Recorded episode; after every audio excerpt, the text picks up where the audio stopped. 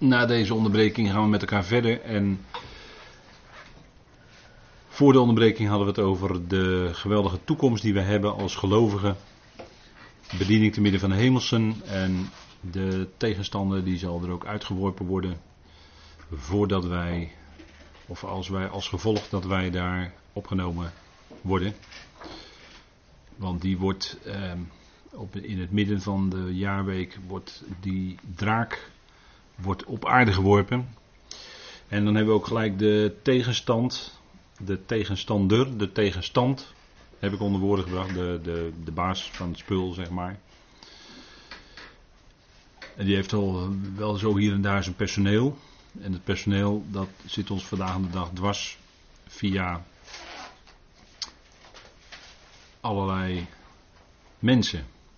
Want geestelijke machten werken via mensen om ons dwars te zitten, om ons aan te vallen, om ons, uh, om in voetbaltermen te steken, pootje haken, tackelen, hè, noemen ze dat, het Engelse woord, tackelen. En dat, uh, ze doen niets liever dan dat. En het evangelie verduisteren, evangelie naar de achtergrond dringen. Alle mogelijke middelen worden daarvoor ingezet. Tradities van mensen en noem maar op. En daar gaat het ook over in de Colossensebrief. Want Paulus zegt, jullie hebben het woord van de waarheid gehoord. Waarover jullie tevoren hoorden. En dat hoorden staat dan weer in die uh, vorm waar, waaruit blijkt dat het een feit is. En dat het niet zozeer om een tijdaspect gaat. Waarover jullie tevoren hoorden in het woord van de waarheid van het evangelie. En u ziet hier op dit plaatje een uh, theater. Van, uh, in Filippi is dit. Dus als u daar nog eens komt, kunt u dat daar zien. Zo'n theater zoals het in die tijd was. Stond een spreker onderaan en het publiek zat daar en kon luisteren. En zo is dat misschien in Colosse ook wel gegaan, dat Epaphras daar het woord bracht. Of misschien was het gewoon, zoals wij het hier ook doen, in een huiskamer, in een huis. En uh, bracht hij daar het woord. En dat droeg vrucht onder die Colossense. En in Efeze 13 vinden we een soortgelijke uitdrukking, laten we even met elkaar opzoeken. Efeze 1, vers 13. En die vindt u ook in uw concordante vertaling boekje.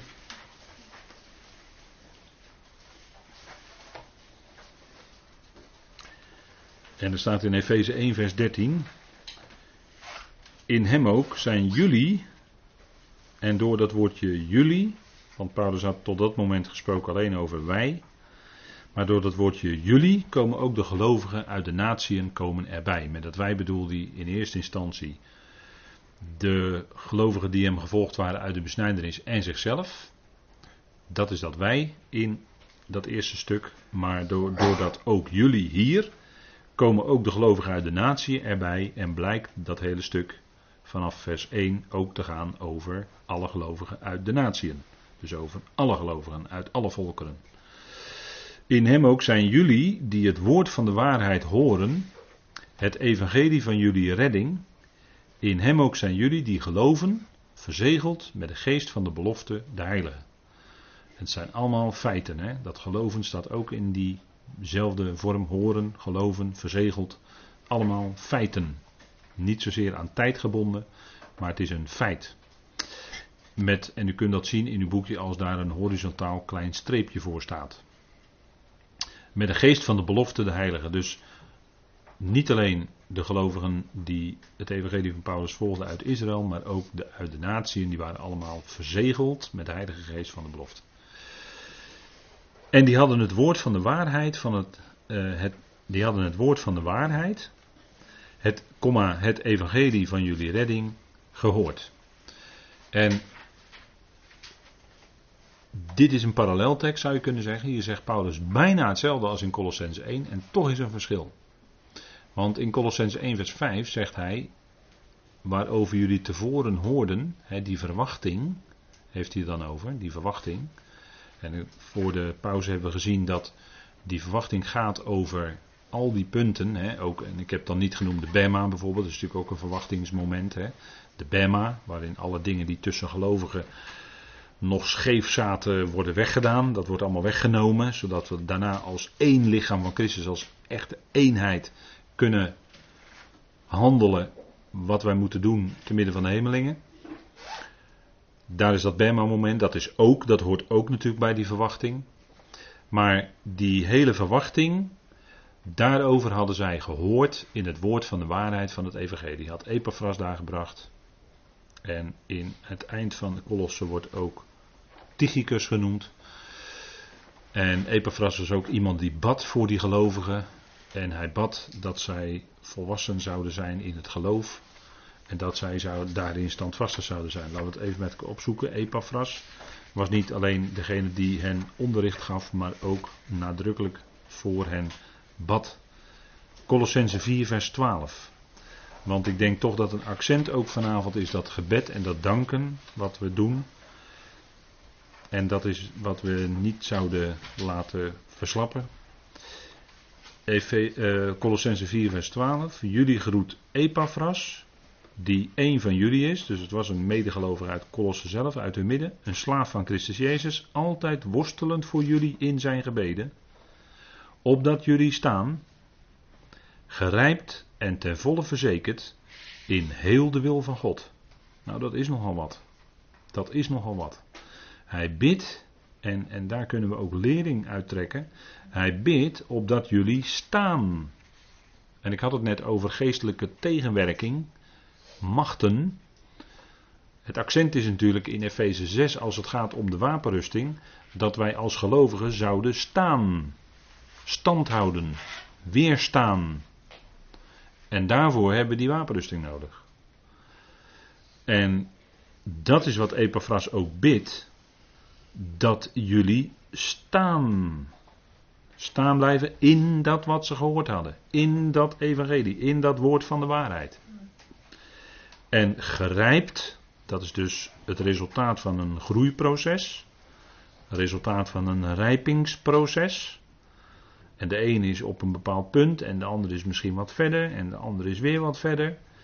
En ten volle verzekerd in heel de wil van God. En als je dat leest, dan kun je als gelovige afvragen: hé, hey, wacht even, ben ik nou verzekerd in heel die wil van God?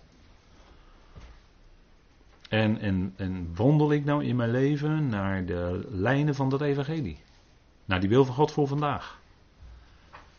En de wil van God voor vandaag is dat we niet aardse zegeningen zoeken, want die zijn ons niet beloofd. Maar de wil van God is vandaag dat we geestelijke zegeningen hebben ontvangen. En daarop leven en daaruit leven.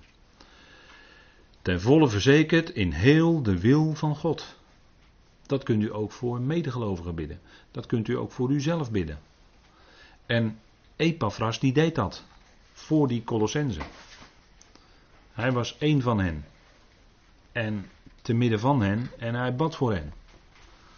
En dan en zegt u ja dat is vanzelfsprekend. Ik weet niet of dat zo vanzelfsprekend is.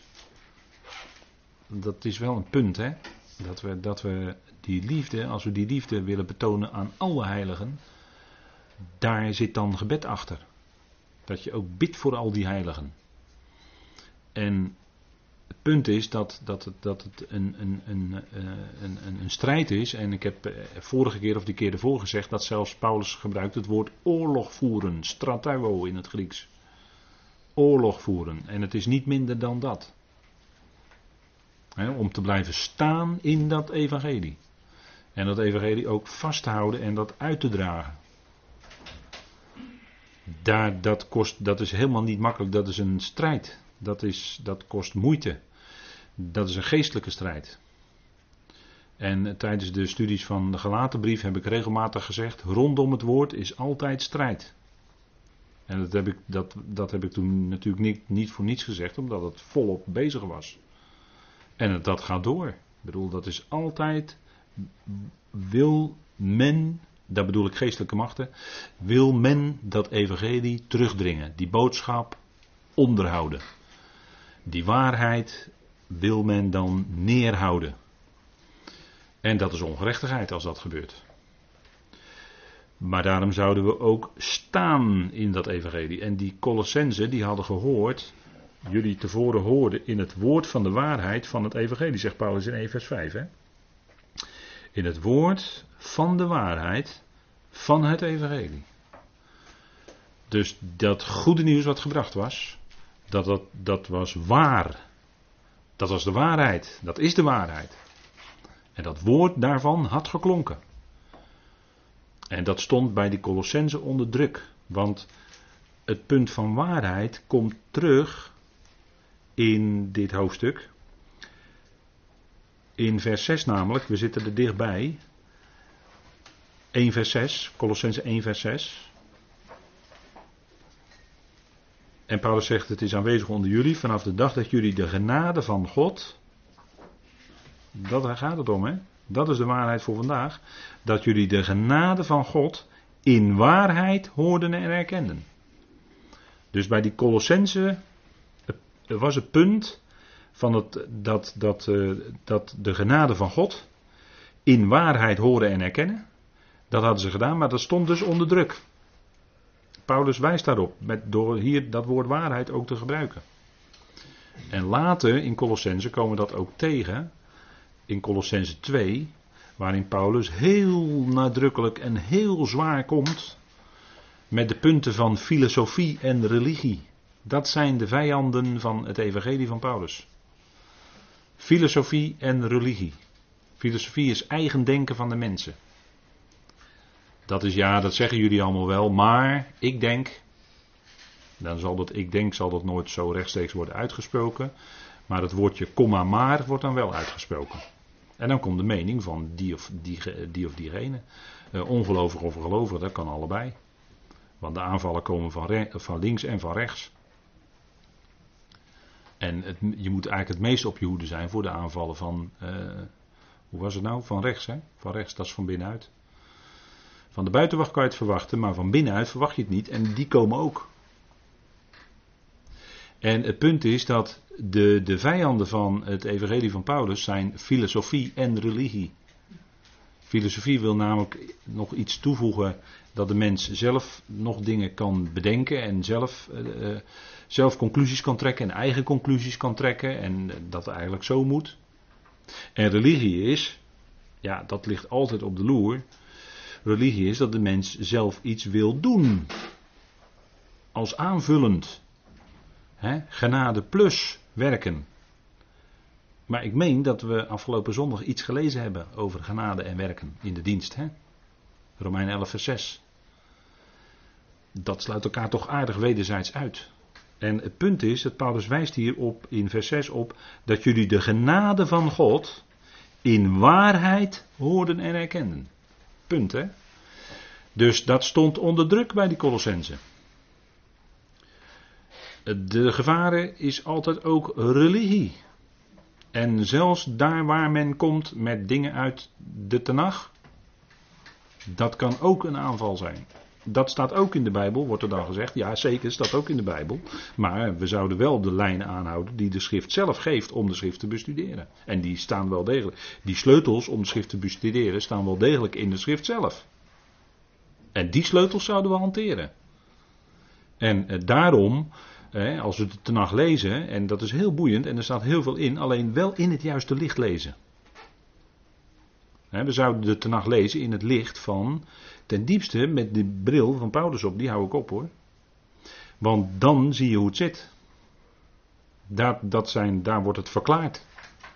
En daar wordt ook gezegd in Colossense dat dat wat in uh, Torah geschreven stond, dat zijn schaduwen. Schaduwen, wordt het woord schaduw gebruikt, net als in Hebreeën 10 vers 1. En dat wat nu gekomen is, is de vervulling, is bekend geworden, Christus zelf. Hij. Hij is zelf onze verwachting. Hè? Want dat wordt ook gezegd in Colossense 1, over verwachtingen gesproken. In Colossense 1 wordt gesproken over Christus de verwachting van de heerlijkheid. Hij is het is centrum van onze verwachting. En zijn genade is datgene wat leidend is in het lichaam van Christus. De genade van God in waarheid. Precies. Daar kun je niks aan toevoegen, daar kun je niks bijmengen. Nee, dat is de zuivere genade van God. Dat is wat Hij geeft, zonder onze bijmenging. En dat geldt ook voor filosofie, eigen denken van de mensen. Je kunt zo snel in een gesprek verzeild raken waarin je gezegd wordt, ja, daar staat dat, er wordt een losse tekst gepakt, daar staat dat, wordt nog een losse tekst gepakt en nog een derde losse tekst en daar wordt dan een conclusie op gebouwd. Maar dan moet je heel goed opletten of jouw conclusie, of die ook nog in de schrift staat. En zo niet, dan moet je heel, heel erg kritisch naar je eigen conclusie gaan kijken. Want ook je eigen conclusie zou je toetsen aan de schrift. We zouden alles toetsen wat op ons afkomt. Dat is ook de 1 Thessalonicense 5 trouwens, het vervolg.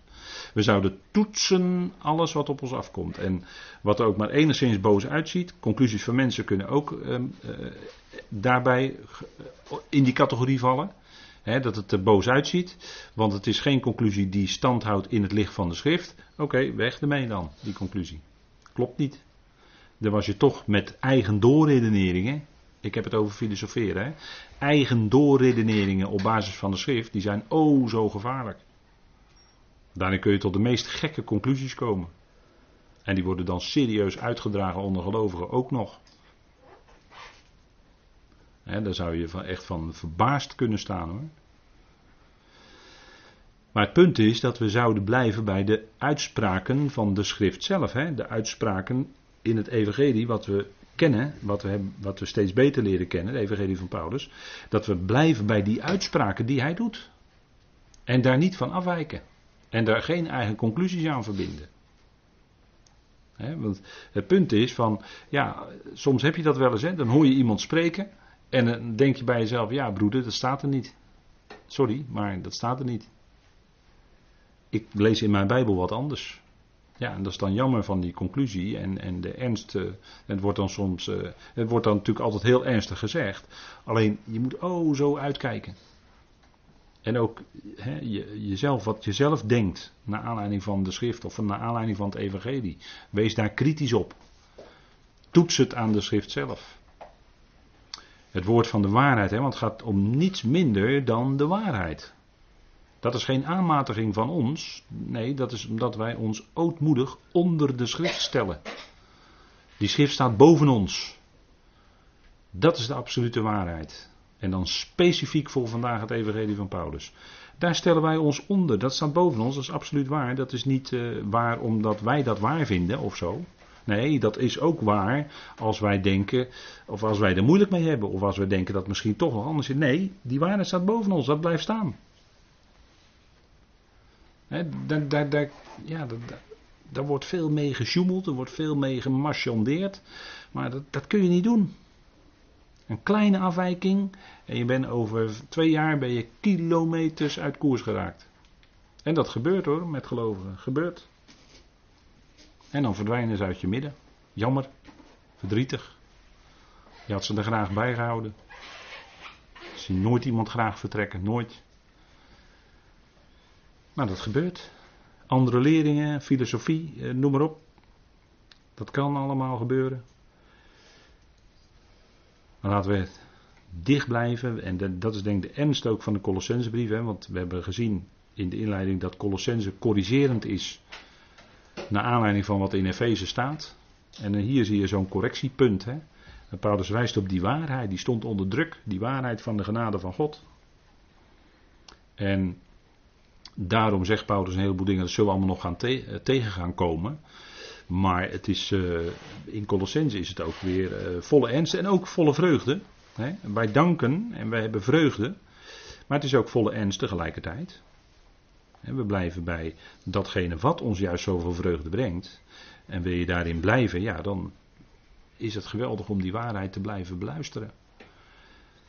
Dat is eh, bijzonder, denk ik. Ze hadden dat woord van de waarheid van het evangelie gehoord. En in deze wereld mag je niet meer zeggen dat dit of dat waar is. Mag je gewoon helemaal niet meer zeggen. dan dan uh, ben je, heel snel word je dan al voor iemand aangezien die verward, verward is. Maar het punt is dat natuurlijk eh, alles is omgekeerd. Hè? Wat, wat, wat in de wereld allemaal als uh, van dit of dat is waar en er zijn allemaal metingen geweest en dat dat, dat, dat is zo. En ja, dat wordt allemaal dan zo, zo direct als voor waar aangenomen. Behalve als je met de Bijbel komt, van dat is ja, ja, de Bijbel, dat is ja. Er wordt toch door heel wat mensen een beetje minachtend op neergekeken. Jij gelooft nog in die Bijbel dat dat de waarheid is? Ach joh. zo, zo wordt een beetje minachtend dan naar ons gekeken. Hè? Maar het punt is natuurlijk dat ja, de waarheid, en ook de waarheid is niet uh, populair. Hè? De waarheid is niet, als, als de meerderheid iets denkt dat zo is, dan is het al bijna zeker dat het niet de waarheid is. Want de waarheid, eh, de, de waarheid zoals het werkelijk zit, is vaak heel bescheiden en is heel erg teruggedrongen. En, dat is natuurlijk allemaal werk van de tegenwerker. Ik bedoel, de leugen regeert. Dat is niet om somber te doen, maar het is gewoon een, nuchtere constatering. De leugen regeert. Er wordt gejokt bij het leven. En, en dat onderken je als, als je gelovige bent. En je denkt gewoon ook, ook gewoon mensen die nuchter nadenken. Gewoon even helder nadenken. Die, die, die, hebben, die prikken daar soms ook direct doorheen. maar het punt is, ja, die waarheid, ja, dat is, uh, dat is van belang. Hè? En die waarheid is kostbaar. Dat, dat, is, dat is heel kostbaar. En uh, zondag was ook even die tekst uit Efeze, die fijne tekst. Laten we even met elkaar opzoeken. Efeze 4, die daar dan in Duitsland op dat gebouw op die muur staat. Maar dat is een hele fijne tekst. En daarom wil ik dat toch met u lezen.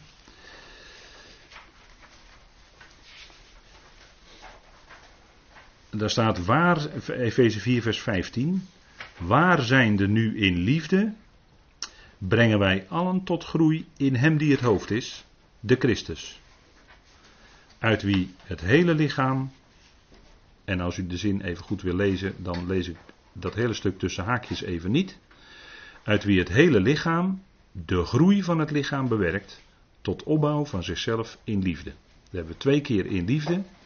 En punt is, als wij nu waar zijn in liefde, dan bevordert dat de groei van de medegelovigen. En die ontvangen voeding vanuit het hoofd, vanuit Christus.